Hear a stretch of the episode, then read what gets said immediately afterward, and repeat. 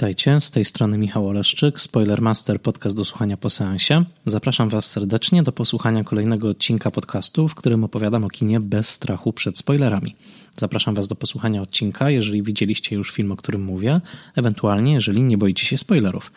W tym odcinku kontynuuję cykl Spoiler Master Classic, którym opowiadam Wam o klasyce kina.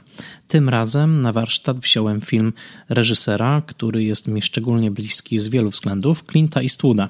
Dlaczego bliski? Po pierwsze dlatego, że uwielbiam jego kino, po drugie dlatego, że dzielę z Clintem dzień urodzin, 31 maja.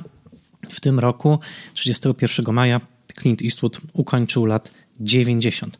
Urodził się w roku 1930 i e, jest zdecydowanie jednym z najbardziej takich wiecznotrwałych i nieustannie rozwijających się twórców kina hollywoodzkiego, który pomimo sędziwego już, nawet nie tyle zaawansowanego, co właśnie sędziwego wieku, wciąż zaskakuje, wciąż zbiera nagrody, wciąż pozostaje niesłychanie aktywny. W Spoilermasterze omawiałem swego czasu film Richard Jewell, no, wciąż najnowszy jeszcze w momencie nagrywania tego odcinka w czerwcu roku 2020 e, odcinka mm, najnowszy film e, Clint Eastwooda.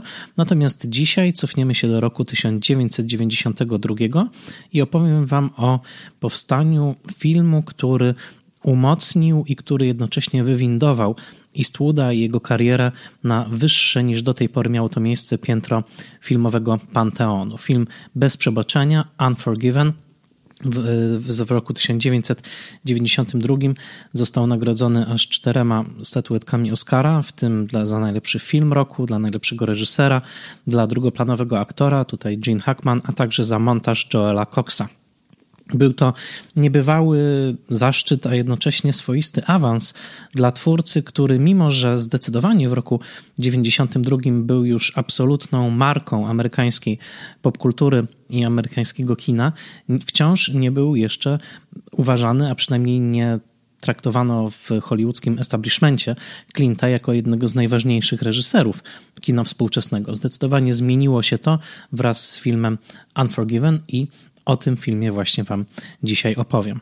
W przygotowaniu do odcinka pomogła mi znakomita biografia Clint'a Eastwooda, pióra Richarda Schickela, Clint Eastwood A Biography, a także książka Edwarda Buscomba, jednego z najlepszych badaczy westernu filmowego, książka pod tytułem Unforgiven, analiza filmu wydana w serii BFI Modern Classics.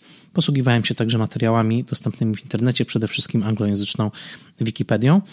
Y, I zacznijmy może opowieść od samego końca. Mianowicie, jeżeli przypomnicie sobie albo obejrzycie po raz pierwszy film Bez Przebaczenia, Unforgiven, na samym końcu napisów, kiedy już niemalże wszyscy wyszli z kina, a wy być może już wyłączyliście płytę, nie róbcie tego. Mianowicie na samym końcu napisów pojawia się dedykacja. Film Bez Przebaczenia jest dedykowany dwojgu mężczyzn For Sergio and Don. Nie trudno rozszyfrować o kogo chodzi. Clint Eastwood, 60-letni w momencie przystępowania do prac nad bez przebaczenia, bo prace rozpoczęły się mniej więcej w roku 1990, chociaż projekt ma dłuższą historię, o czym zaraz powiem. Dziękował w tym filmie już jako 60-latek dwóm reżyserom, których wspólna praca z Clintem tak naprawdę zadecydowała o wytworzeniu się owego ikonicznego wizerunku Clint'a Eastwooda, albowiem bez Dona Sigela, bo to on jest owym Donem, i bez Sergia Leone, on jest owym Sergiem. Y, zdecydowanie kariera Eastwooda nie miałaby charakteru tak ikonicznego, tak silnego, jeżeli chodzi o pewien wzorzec męskości y, zapisany w kulturze popularnej drugiej połowy XX stulecia. A zatem Clint wiedział, komu podziękować, podpisując swój pod wieloma względami najbardziej osobisty projekt, zdecydowanie najbardziej ambitny, jeden z droższych i projekt, do którego Clint Eastwood przygotowywał się przez wiele lat. Skąd wziął się w ogóle film Unforgiven? No, jak to zazwyczaj bywa, zrodził się najpierw w głowie scenarzysty, ale w tym przypadku historia jest o tyle ciekawa, że był to projekt już przeleżany na półce przez wiele, wiele lat.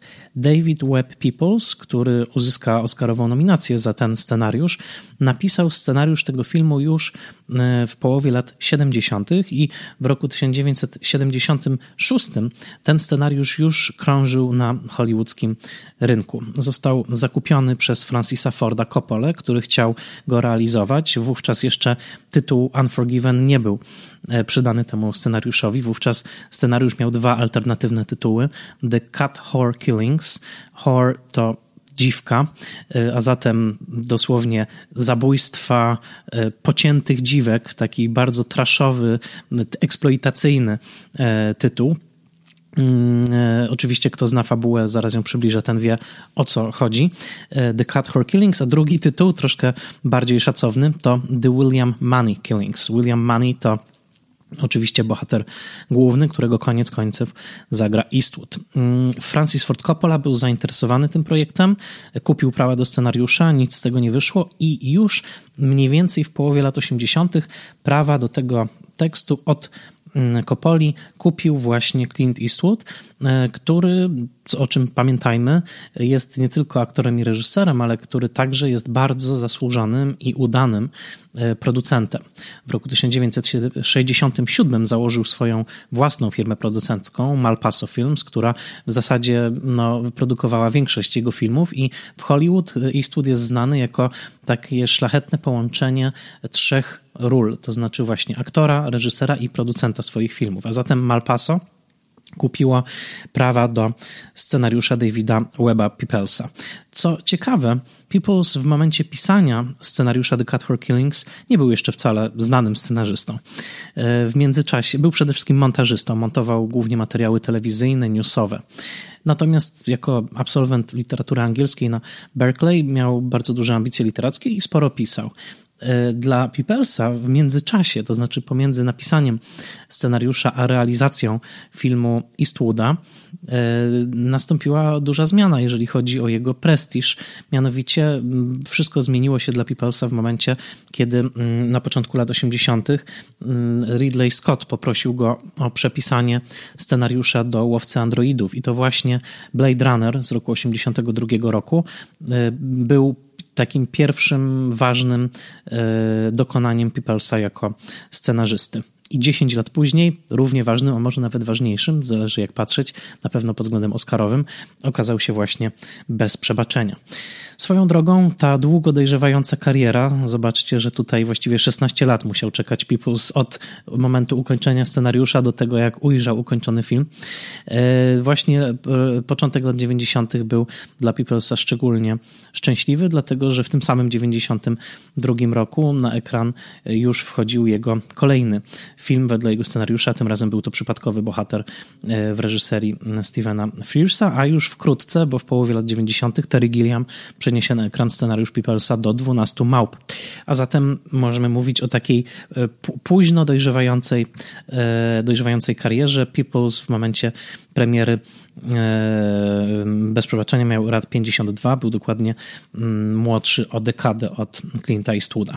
I co interesujące i co w zasadzie zdradza nam, że Eastwood rzeczywiście miał genialną intuicję, jeżeli chodzi o adaptowanie i realizację tego scenariusza, to jest to, jeżeli do tego scenariusza zajrzymy, okaże się, że postać główna, postać zagrana przez Clint'a Eastwooda, czyli postać Williama Maniego, e, płatnego zabójcy, który mm, na początku filmu jest już odmienionym człowiekiem, który wyrzekł, wyrzekł się alkoholu, przemocy i w bardzo trudnych warunkach także starzenia się własnego próbuje wychowywać jako wdowiec e, dzieci na farmie. Otóż ta postać w scenariuszu miała lat 40. E, sam Eastwood powiedział, że po przeczytaniu scenariusza czuł, że musi jeszcze odczekać. To znaczy, że on musi się zmienić, on musi dojrzeć i musi się, wprost mówiąc, postarzeć, żeby móc Williama Maniego zagrać.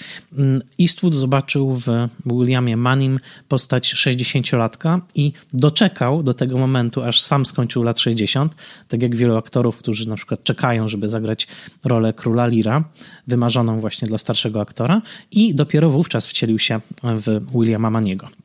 W biografii pióra Richarda Schickela Clint Eastwood ciekawie i ładnie określa uczucie szczęścia i takiej pewnej, e, e, pewnego komfortu, która dawała mu świadomość posiadania praw do scenariusza Peoplesa.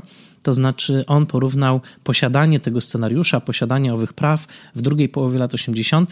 do posiadania pewnego talizmanu czy amuletu. Wiedział, że ma coś bardzo szczególnego, wiedział, że musi się jeszcze trochę zestarzeć, żeby zagrać główną rolę w mm, tym scenariuszu, który koniec końców będzie się nazywał Unforgiven i to będzie tytuł, który wymyśli sam Eastwood, e, ale wiedział, że musi jeszcze odczekać, ale ilekroć miał wzloty i upadki, filmy przyjmowane lepiej, filmy przyjmowane gorzej, a były tam różne bardzo wzloty i upadki w latach 80. dla Eastwooda, który trochę poszukiwał swojej e, ekranowej tożsamości, także jako producenta jednego z najgorszych filmów lat 80., to znaczy filmu jego dziewczyny Sandry Locke pod tytułem Radboy, ale także takich filmów jak chociażby Firefox, czyli czysto reganowskiego kina akcji, jak sam powiedział, wiedział, że gdzieś tam w szufladzie jest schowany ten złoty amulet w postaci znakomitego scenariusza, który pewnego dnia on zrealizuje i wtedy wszystkim pokaże, co tak naprawdę jest wart. Eastwood wiedział, ale rozegrał całą produkcję w sposób mistrzowski, to znaczy nie popełnił grzechu pychy. Nie pompował Unforgiven nadmiernie mm, rozbudowaną kampanią reklamową. Oczywiście film kosztował swoje, był to film co najmniej dwukrotnie droższy niż zwyczajne produkcje filmy Malpaso, która raczej słynęła z tego, że była firmą dosyć oszczędną, która potrafiła za średnie budżety e, albo nawet trochę mniejsze niż takie zwyczajne e, tworzyć kino jakościowe. On tutaj rzeczywiście wyłożył więcej, więcej pieniędzy, ale także to się zwróciło. Film kosztował około 14 milionów dolarów, w końcu zarobił 160, no i ozłocił Oscarowo Clint'a Eastwooda i e, także sam, po samej premierze, która miała miejsce w sierpniu roku 1992.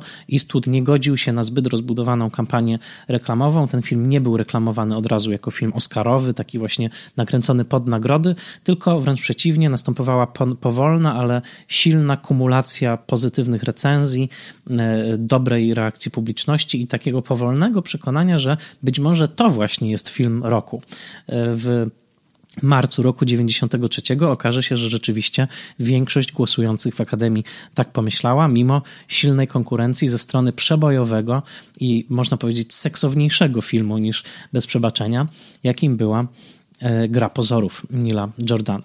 Ale to inna historia. Kto chce o grze pozorów poczytać, zapraszam do lektury mojego felietonu, jaki jakiś czas temu popełniłem na temat tego filmu w serwisie Filmweb. Gra pozorów, Michał Oleszczyk, łatwo ten tekst znaleźć. Wróćmy jednak do Unforgiven.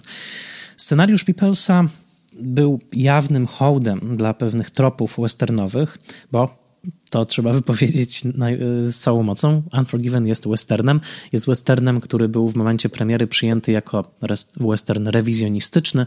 Taki western, który e, nawiedzał ponownie kluczowe tropy tego długi, gatunku o długiej i bardzo skomplikowanej, soczystej historii. E, I jest westernem w którym David e, People zdecydowanie no, z jednej strony składał hołd wielu westernowym tropom, takim jak chociażby postać mściciela, postać rewolwerowca, postać mm, star starszego już mężczyzny, który przestaje pasować do świata, który go otacza. Znamy te tropy westernowe chociażby z poszukiwaczy Johna Forda, czy ze strzałów o zmierzchu, sama Pekinpacha.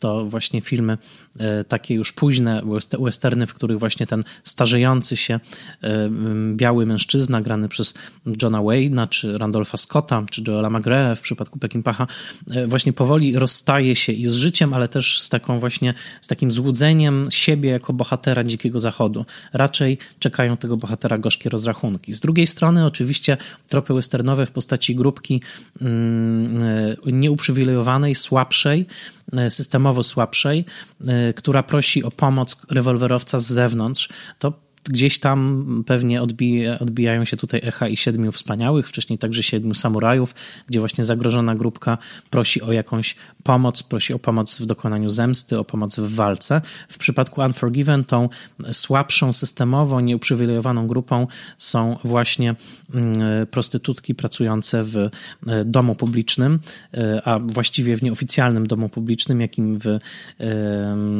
na Dzikim Zachodzie, w Wyoming na przełomie lat lat 70. i 80. wieku XIX właśnie pracują jako pracownice seksualne.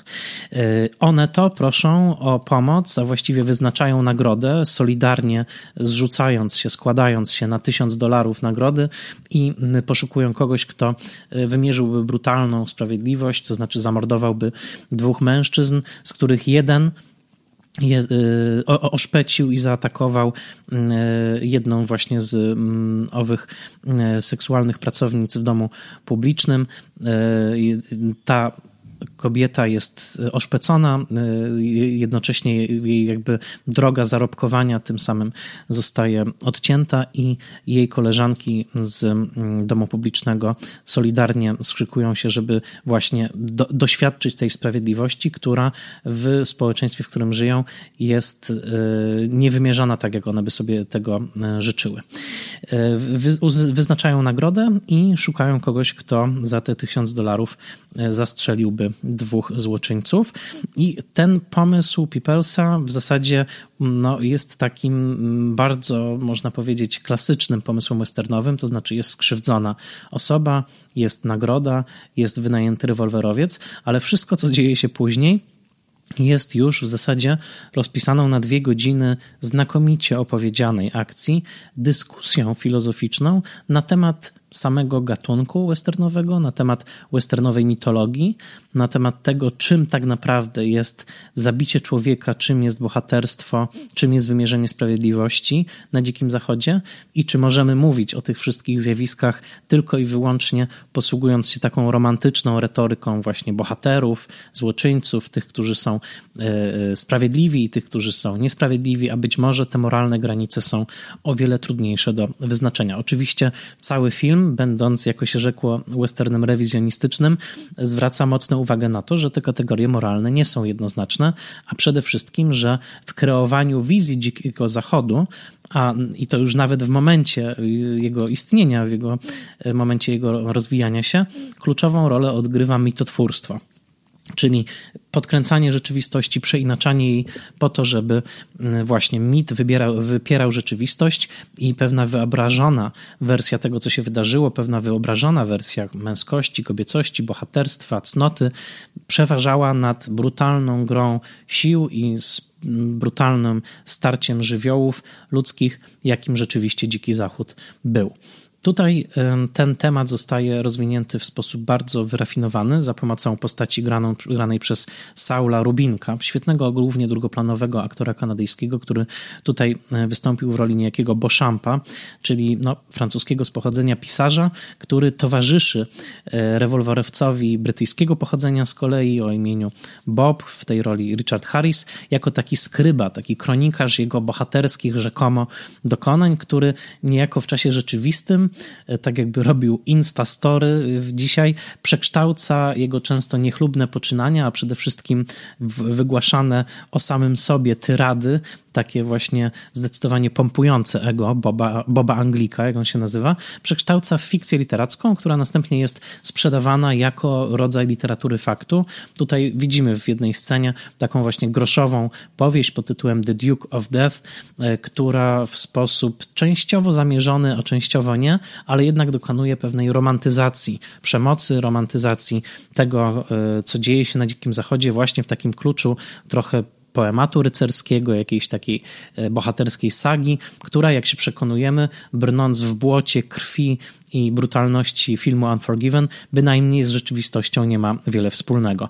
Jest tutaj długa scena rozmowy właśnie Beauchampa z szeryfem e, granym przez Gina Hackmana, mm, to jest tak zwany Little Bill Daggett, gdzie oni wprost e, dyskutują właśnie na temat tego, czym jest fakt, czym jest fikcja i mm, mały Bill brutalnie obnaża to, co Beauchamp pisze jako rodzaj e, podpuchy, jako rodzaj tak naprawdę szkodliwego kłamstwa, które zmienia czyny zbrodnicze i czyny często tchórzliwe albo wręcz okrutne, w czyny heroiczne, w czyny romantyczne. Pod tym względem film Unforgiven jest e, jednym z bardziej krytycznych westernów, jakie nakręcono, dlatego że wprost pokazuje, jak przeinaczanie faktów na Dzikim Zachodzie owocuje takimi nawarstwiającymi się e, pokładami mitologii, które po latach, po dekadach, a czasami już później po stuleciach, coraz trudniej jest zerwać jak plaster i pokazać prawdziwą, ziejącą ranę. Zamiast tego wybieramy właśnie pewne złudzenie na temat Dzikiego Zachodu. A zatem mamy tutaj Eastwooda, który, jako się rzekło, w sposób interesujący dokonuje pewnego rozrachunku z gatunkiem westernowym. I tutaj mała dygresja. Jaki powód miał Clint Eastwood do tego, żeby dokonywać takiego rozrachunku? No, przede wszystkim sam był częścią owej ikonologii, tak, owej e, e, mitologii westernowej. Przypomnijmy, że jego kariera zaczyna się pod koniec lat 50., na przełomie w zasadzie lat 50. i 60., zaczyna się na dobre właśnie od e, e roli w serialu Rawhide, e, serialu, w którym występował przez 7 sezonów, właśnie serialu westernowym. To był ten okres później sportretowany przez, Clint, przez Quentina Tarantino w pewnego razu w Hollywood, gdzie mm, telewizja amerykańska produkowała bardzo wiele takich groszowych, szybkich westernów i Rawhide był akurat produkcją troszkę bardziej prestiżową, ale jednak przez siedem sezonów mm, Clint Eastwood towarzyszył widzom właśnie w tym anturażu westernowym, a zatem miał korzenie w westernie telewizyjnym. Ale czy tylko? Oczywiście nie tylko. Być może najważniejsze westerny stworzył z Sergiem Leone, tym właśnie Sergiem, któremu dziękuję w napisach końcowych do Bez Przebaczenia. Sergio Leone obsadził go bowiem jako bezimiennego w słynnej trylogii Dolara. Za garść dolarów, za kilka dolarów więcej, Dobry, Zły i Brzydki. Te filmy nakręcone w latach 63-66 okazały się z początku, co prawda pogardzane, ale bardzo szybko e, pojemne i także ukochane przez publiczność filmów kultowych.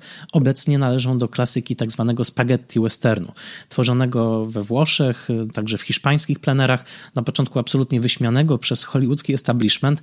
Pamiętajmy, że część tej pogardy także wtedy przykleiła się do Clint'a Eastwooda, który występował w tych filmach i często był traktowany po prostu jako taki parias, tak? jako ktoś, kto, żeby stać się westernowym herosem, musiał pojechać do e, e, Włoch i kręcić te dziwaczne, trochę kampowe, trochę z przymrużeniem oka, a trochę przerażająco e, realistyczne w ukazywaniu przemocy właśnie westerny Sergio Leone.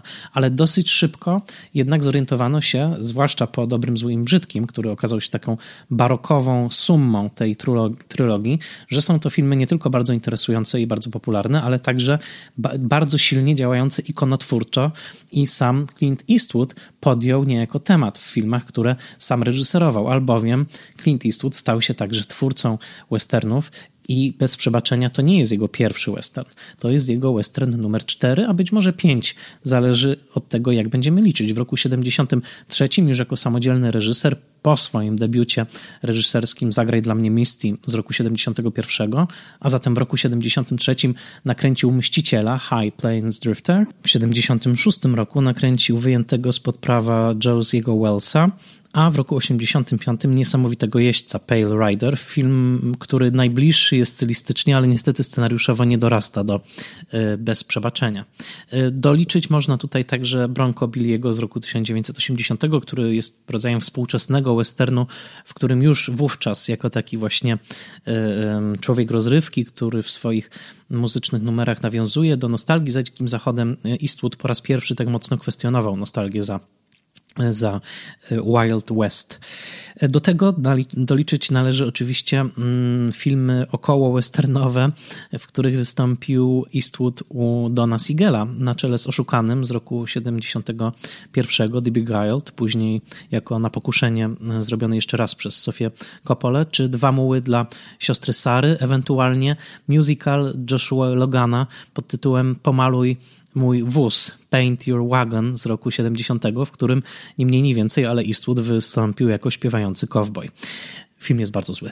Natomiast y, to pokazuje, jak głęboka była taka, można powiedzieć, y, pewne zakorzenienie Eastwooda w świecie westernowym i jak bardzo miał prawo do tego, żeby już jako y, człowiek 60-letni nakręcić film, który no, dosyć odważnie poważył się, ale jednocześnie dopiął tego celu i zaproponował pewne nowe otwarcie, nową rozmowę o westernowych mitach w kinie amerykańskim, a także, co trzeba przyznać, przydał westernowi pewnej, pewnego nowego prestiżu, także jeżeli chodzi o recepcję krytyczną, o nagrody. Przypomnijmy, że Bez Przebaczenia było zaledwie trzecim westernem w historii Oscarów, który otrzymał nagrodę główną za Best Picture. Pierwszym był nagrodzony dosłownie w roku urodzin um, Eastwooda, 1930 Cimarron, bardzo słaby film i nazywany jednym w ogóle z gorszych filmów oscarowych.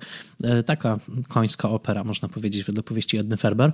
Natomiast e, kolejnym był Tańczący z wilkami, czyli taki western ekologiczny roku 1990.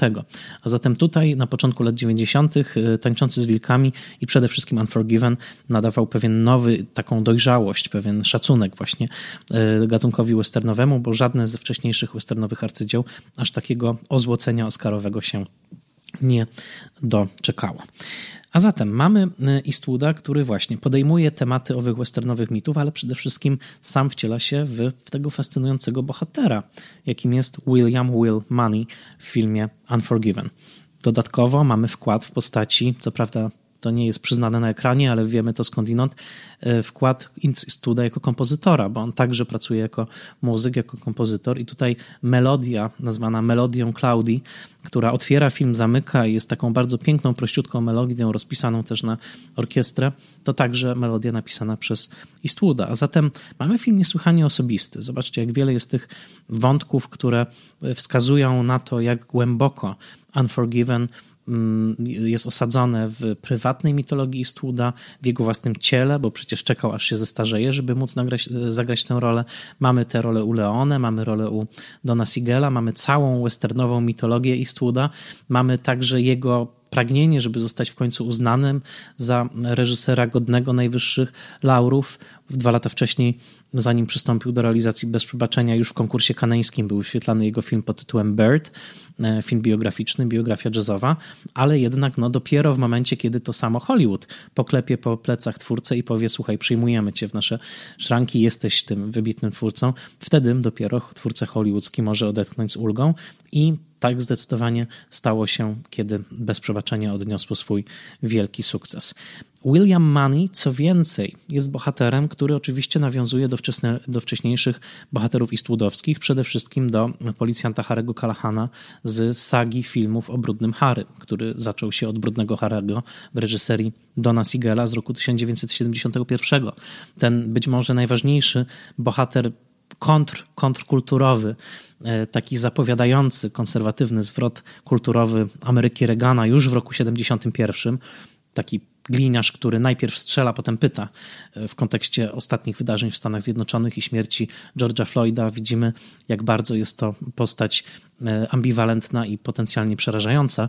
Taki właśnie Harry Callahan to był policjant, jakiego milcząca większość głosująca przede wszystkim na Richarda Nixona bardzo potrzebowała w kinie amerykańskim i w społeczeństwie amerykańskim, które wydawało się rzeczywiście na przełomie lat 60. i 70.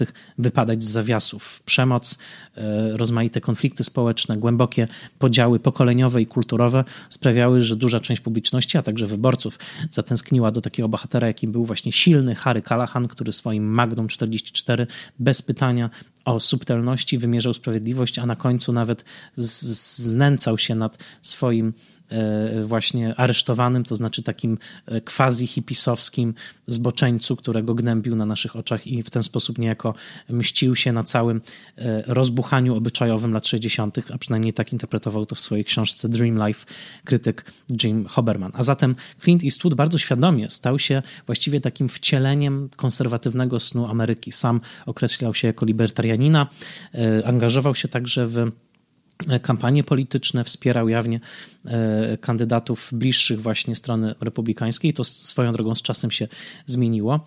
Natomiast wówczas stał się taką ikoną właśnie owej milczącej większości i jeszcze w latach 80. kręcił filmy należące do tak zwanej reganomatografii, także filmy, w których przemoc nie była problematyczna, w których przede wszystkim i Harry Callahan, ale także jego inne postaci, jak chociażby mm, pułkownik w Wzgórzu Złamanych Serc, to byli właśnie twardzi faceci w reganowskim typie, nie zadających pytań i zamiast, zamiast komplikowania świata pod względem moralnym, zdecydowanie ten świat ku uciesze publiczności upraszczający. I oto, co dzieje się w Bez Przebaczenia. Tak naprawdę Eastwood w pewnym sensie podważa cały ten etos, czy cały ten wizerunek twardziela, który twardą właśnie ręką i bez zważania na wszelkie cieniowania sprawiedliwości czy moralności wymierza sprawiedliwość.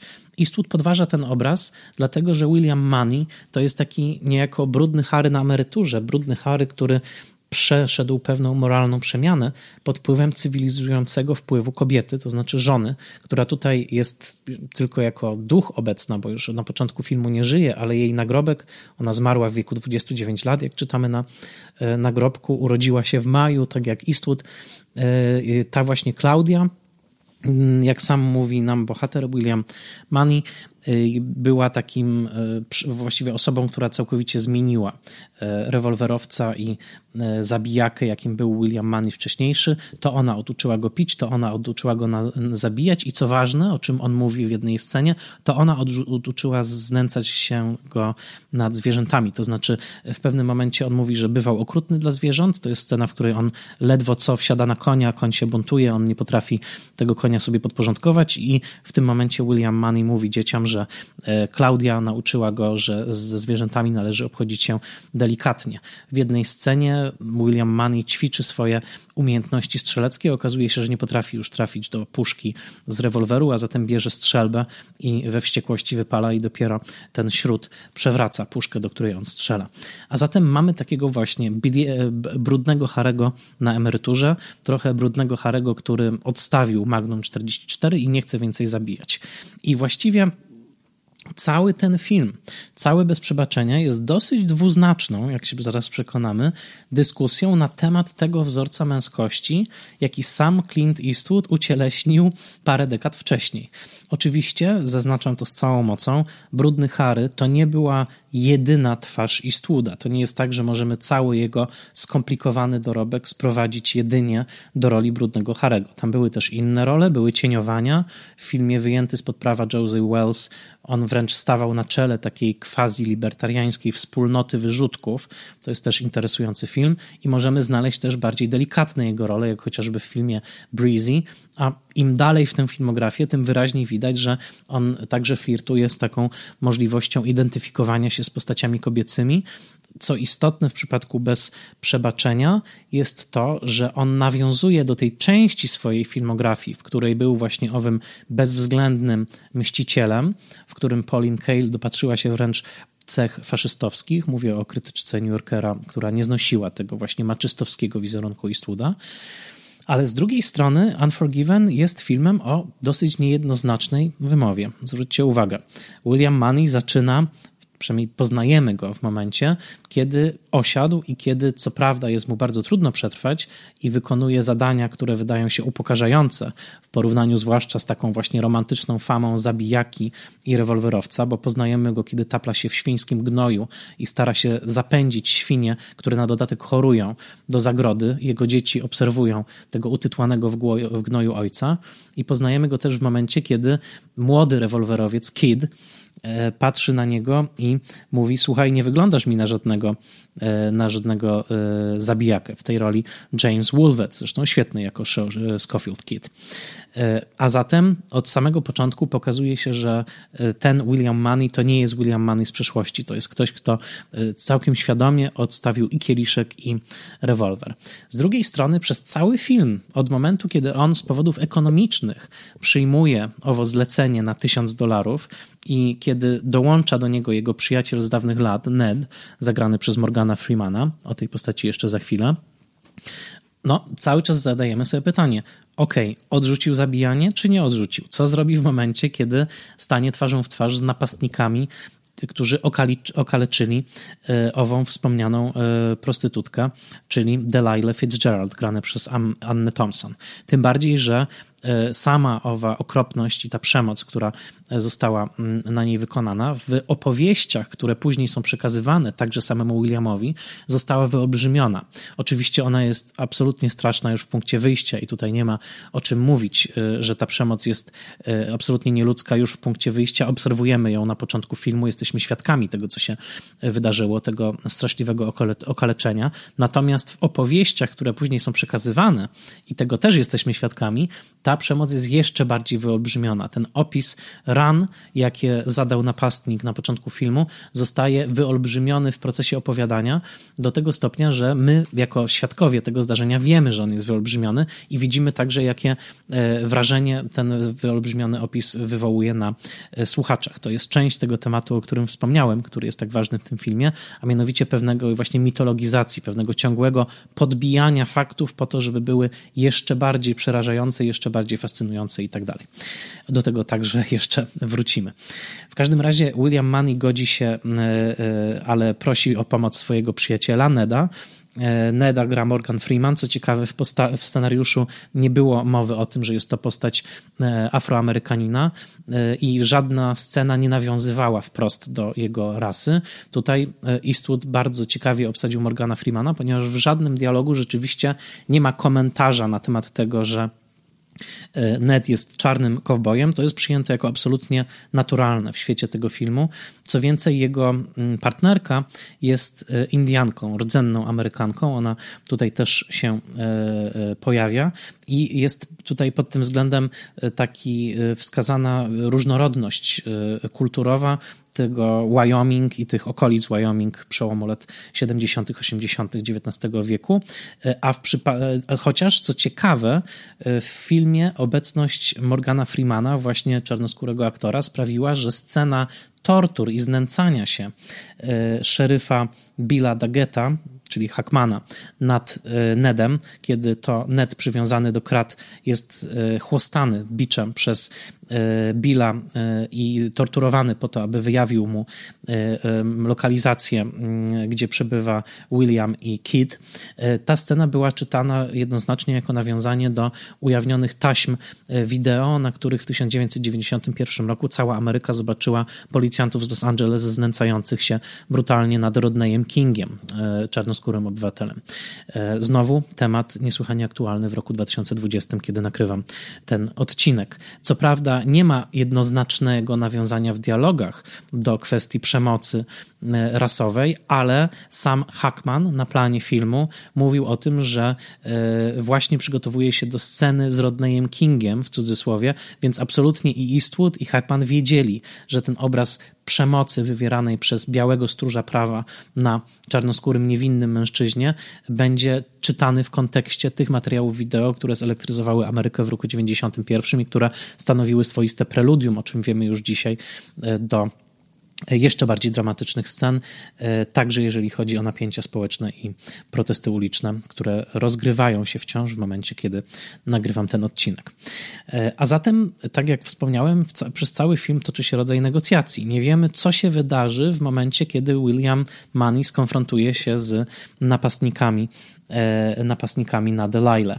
E, I e, film rozpisany jest w ten sposób, że rozmaite wpływy wywierane są na samego Williama. Kit, grany przez Wolveta, chce zabijać jak najszybciej. On rekrutuje Willa, on namawia go do, do właśnie przyjęcia zlecenia i on buńczucznie chwaląc się, że zabił już pięciu mężczyzn i że jest w ogóle wielkim zabijaką, nie może się już doczekać przelewu krwi. Will wzdraga się przed przelewem krwi. Ned koniec końców, kiedy przychodzi już do kwestii pociągnięcia za spust strzelby, mówiąc kolokwialnie, wymięka i patrzy na Willa E, e, i mówi: Nie mogę tego zrobić, nie mogę znowu zabijać. Mm, więc e, w cały czas dochodzimy do tego kluczowego momentu, w którym William będzie musiał sobie odpowiedzieć na to, kim jest. Czy jest właśnie jeszcze tym starym Willem, który znajduje pewną przyjemność w wymierzaniu sprawiedliwości, a być może nawet w samym zabijaniu, w oderwaniu od kwestii sprawiedliwości, czy też reforma moralna, jaką zafundowała mu jego żona Klaudia, okazała się rzeczywiście głęboka i faktyczna. No i tutaj dochodzimy do wielkiego zwrotu akcji w tym filmie, właściwie cały trzeci akt, to znaczy od momentu, w którym William dowiaduje się, że Ned zginął z ręki małego Billa w trakcie brutalnego przesłuchania, w trakcie którego swoją drogą Ned zdradził pod presją przemocy e, miejsce pobytu e, Willa i e, Kida.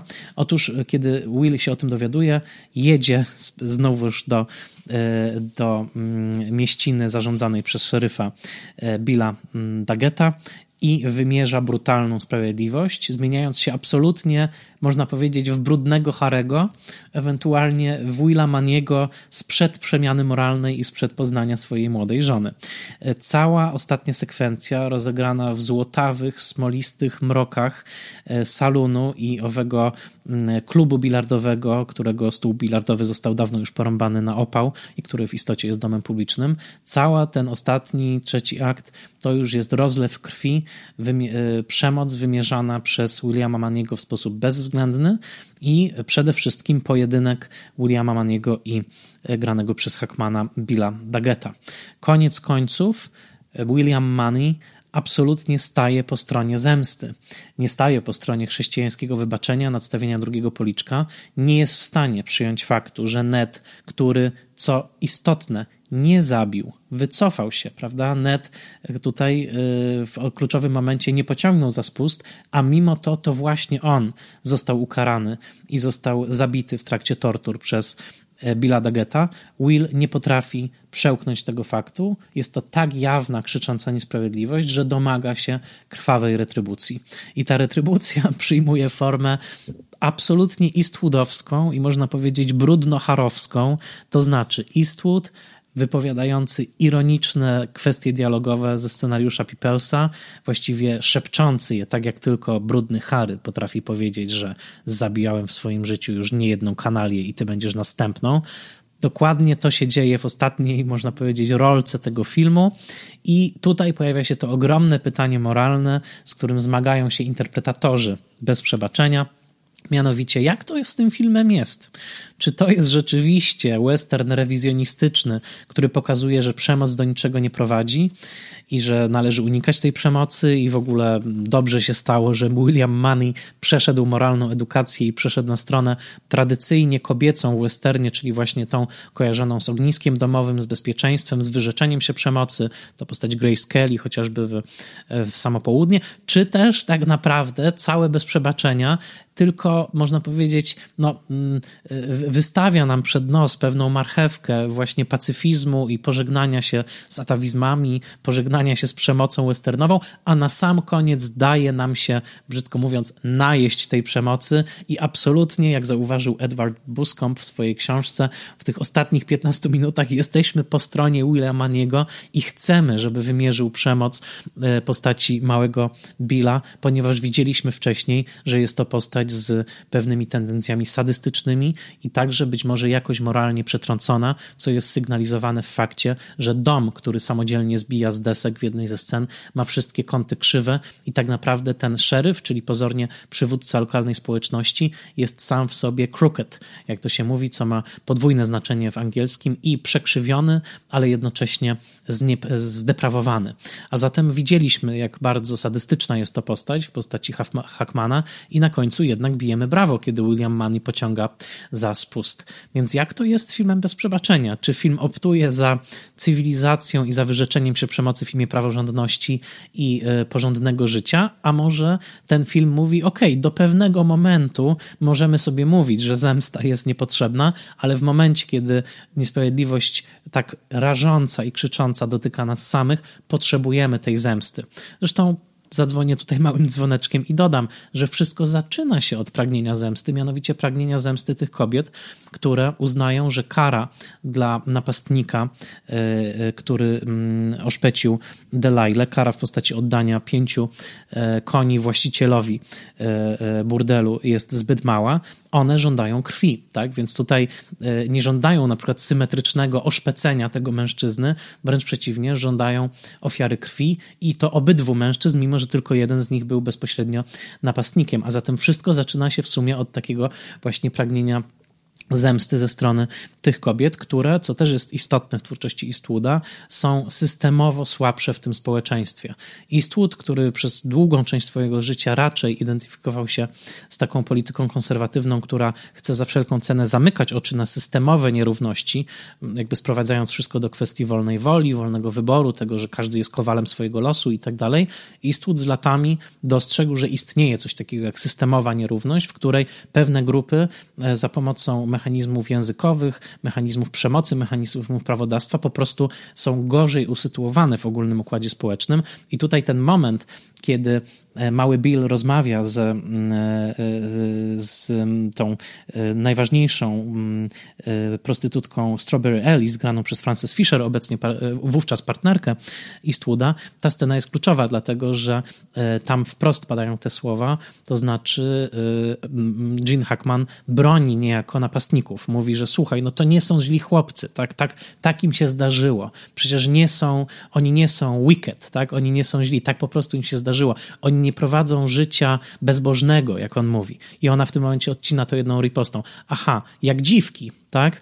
Na zasadzie to my prowadzimy to życie bezbożne, a ci porządni chłopcy mogą od czasu do czasu kogoś sobie pociąć. Tutaj jest do, dotknięta istota systemowej nierówności i ja dlatego też uważam, że Bez Przebaczenia jest filmem przełomowym w twórczości Eastwooda, bo wcześniej on na te systemowe nierówności absolutnie nie był wyczulony czego dowodem chociażby jego postać brudnego e, Harego, która na takie skomplikowane pytania etyczne, e, też cechujące się jakąś społeczną wrażliwością, e, po prostu nie odpowiadał, pomijał je.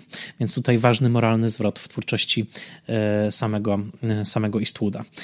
A zatem koniec końców nie do końca wiadomo, jak z tym filmem jest. To znaczy, on, jak to można powiedzieć, e, e, zachowuje ciastko i zjada ciastko. Jest jednocześnie pacyfistyczny i e, wychwala zemstę.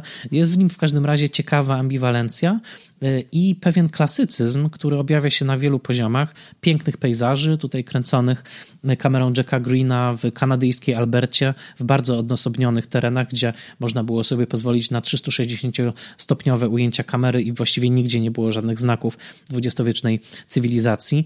E, są to też piękne zdjęcia jesienne, dlatego że wielkim tematem tego filmu jest starzenie się i cała przyroda także się starzeje. Widzimy złote liście. To jest film nakręcony w jesieni życia, jak się okazuje, bardzo, bardzo długiego, e, ale ta jesień także przedostaje się, przedostaje się tutaj i co więcej, film ten porusza jako western tematy starzenia się męskiego ciała i w ogóle no, mm, starzenia się, e, których western zazwyczaj w taki sposób nie dotykał. Jest to jeden z bardzo nielicznych westernów, jak zauważa Edward Bascomb, w którym wspomniana jest masturbacja, dlatego że kowboje rozmawiają o tym, jak radzą sobie właśnie z pożądaniem seksualnym i w pewnym momencie Ned pyta Willa, no jesteś teraz sam, to używasz ręki. No, w ilu filmach, jak pyta Edward Bascomb, w ilu filmach takie pytanie pada? No chyba w niewielu westernach. E, pojawiają się tematy e, niedomagań ciała, różnych wad, krótkowzroczność Kida, który widzi tylko na 50 yardów i nie chce się przyznać do tego, że jego oczy są słabe, a ostatnie słowa Willa, jakie są do niego skierowane, to jest teraz cię będzie stać na okulary. No, cowboy z okularami niekoniecznie postać ikoniczna, prawda? Więc te ułomności, właśnie to, jak Will y, porusza się, że widać, że to już nie jest to sprawne ciało, to, że on już nie potrafi tak dobrze strzelać, te wszystkie elementy starzenia się, takiego mm, po, powolnego przygotowywania się także na emeryturę, tak jak to Little Bill mówi w pewnym momencie, budując ten swój krzywy domek, że będę sobie siedział na ganku, pił kawę i patrzył na zachód słońca. Ta świadomość zbliżającego się kresu, ta świadomość właśnie takiego zbliżającego się powoli końca, y, to złote światło, w jakim ten film jest skąpany, a jednocześnie mrok przemocy, bo y, najważniejsze sceny przemocy tutaj rozgrywają się pod koniec właśnie w totalnym mroku, chociaż także jest wcześniejsza scena upokorzenia i pobicia y, Boba Anglika w pełnym świetle dnia. Te wszystkie sceny zwiastują, że nad wszystkim sprawuje pieczę niestety śmierć. Powieść Beauchampa nazywa się Duke of Death. Co prawda, Little Bill może żartować i mówić, że to jest Duck of Death, czyli kaczka śmierci, zamiast hrabiego śmierci, ale jednak hrabia śmierć nad wszystkim zawiaduje. Pamiętajmy, że najczęściej powtarzanym zdaniem tego filmu to jest He had it coming. Co to znaczy? Przypomnijcie sobie piosenkę z Chicago. E, he had it coming. He had it coming. He had it coming all along. O co chodzi? Należało mu się, tak to można tłumaczyć, tak? Należało mu się, ale też jakby no, mm, nie unikniemy tego, tak? He had it coming, czyli jakby zbierało mu się, dosłownie, nagrabił sobie. I te słowa właśnie należało mu się, he had it coming, pojawiają się wielokrotnie w tym filmie, wiele postaci to wypowiada, głównie w odniesieniu do złoczyńców, do tych napastników z początku, na zasadzie należy im się ta zemsta, tak? W pewnym momencie Strawberry Alice krzyczy, they had it coming, tak? Należało im się, właśnie mieli zginąć ale wspaniała i często cytowana także na ceremonii Oscarowej, jako ten klip taki pokazujący e, kandydata do jednego, e, e, kandydata do kategorii najlepszy film. Otóż ta wspaniała scena, w której już po dokonanym morderstwie Kit, który zastrzelił napastnika z początku filmu w toalecie, dosłownie z spuszczonymi spodniami, w takiej upokarzającej pozycji, otóż Kit nagle mówi, że nigdy nikogo wcześniej nie zabił, że to było jego pierwsze morderstwo i że morderstwo to jest coś naprawdę strasznego, że yy, i w, w, jakby pokazuje całą taką swoją słabość, ale ludzką słabość. To, że wcześniejsze udawanie yy, mordercy z zimną krwią było tylko pewną pozą. I mówi w pewnym momencie, żeby usprawiedliwić swój czyn, mówi do Willa, popijając whisky, no cóż, należało mu się, he had it coming. Na co Will odpowiada i to jest taki złotymi zgłoskami wypisany fragment tego filmu, we all have it coming, kid. Wszystkim nam się należy. Po każdego z nas przyjdzie, w domyśle, śmierć. Wszyscy sobie nagrabiliśmy. I w tym momencie ten film wznosi się na pewną wyżynę egzystencjalnej w zasadzie rozpaczy, tak? jakkolwiek byśmy tego życia nie przeżywali, czy jako mordercy i zabijaki, takie jak William Money w pierwszej połowie swojego życia, czy jako przykładni, ciężko pracujący obywatele uginający się pod jarzmem codziennego, codziennej walki o chleb, tak jak William Money w drugiej połowie swojego życia. Koniec końców, we all have it coming, kid. Wszystkim nam się należy i wszyscy skończymy tak samo. Dust to dust, z prochu, je, z prochu jesteś i w proch się obrócisz. Taki właśnie egzystencjalny wymiar pewnej rozpaczy, pewnego także Hemingwayowskiego stoicyzmu unosi się nad tym filmem i koniec końców, jak spojrzymy na ten film, ma on bardzo mroczną wizję człowieczeństwa. Ned, który nie zabił w kluczowym momencie, który zlitował się, ginie z rąk małego Billa. Will staje się mścicielem wbrew swoim wcześniejszym deklaracjom i także wbrew swojej zmarłej żonie, której grób na początku odwiedza i którą de facto zdradza, wybierając zemstę.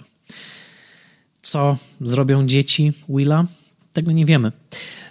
Ten film pokazuje Amerykę roku 1881, dlatego że wówczas dzieje się akcja, mamy konkretny znacznik tego roku. Mm, zabójstwo mm, prezydenta Garfielda dokonane przez Johna Guiteau zawiedzionego brakiem awansu, domagającego się tego awansu pistoletem, więc wiemy dokładnie, kiedy to jest. Wiemy też, że za mniej więcej 30 lat eksploracja Dzikiego Zachodu już się definitywnie skończy. W 1912 już nie będzie można mówić żadnej nowej, przesuwającej się granicy, a zatem amerykańska przygoda skończy się. Mity utrwalane przez takich pisarzy jak Beauchamp będą trwały jeszcze bardzo długo, ale powoli także ci, których te mity skrzywdziły i ci, których te mity pominęły, tacy chociażby jak rdzenna ludność, tacy jak ci wszyscy, którzy doświadczyli przemocy z ręk osadników, oni także zaczną się upominać o swój głos. To należy już do historii antywesternu, tego, którego rozwija się od lat 70., Mały Wielki Człowiek, Niebieski Żołnierz, inne tytuły, ale także Bez Przebaczenia, które pokazuje, że legenda Zachodu to jedno, a prawda Zachodu to coś zupełnie innego. Legenda romantycznego zabijaki to jedno, a rozpacz w oczach starego mężczyzny utytłanego w górnoju to coś zupełnie innego. Legenda brudnego Harego, który z wielkim magnum stoi nad złoczyńcą i triumfuje to jedno, a reżyser zdający sobie sprawę z upływu czasu i pragnący nawiązać nowy dialog ze swoją publicznością, to co innego. Te wspaniałe paradoksy wciela w sobie film bez przebaczenia. Wybitny film i arcydzieło Clint'a Eastwooda, film, do którego warto wrócić nawet już ćwiartkę wieku po tym, jak został ukończony, a Clint Eastwood wciąż jeszcze jest z nami. Warto oglądać ten film, dlatego że jest to po prostu kawał wybitnego, świetnie napisanego, pięknie nakręconego kina, które absolutnie zasłużyło na swoje laury jako najlepszy film roku 1992. Mam nadzieję, że spodobała Wam się opowieść o Bez Przebaczenia. Zachęcam Was do słuchania innych odcinków Spoilermastera i do polubienia mojego fanpage'a Spoilermaster, podcast do słuchania po seansie.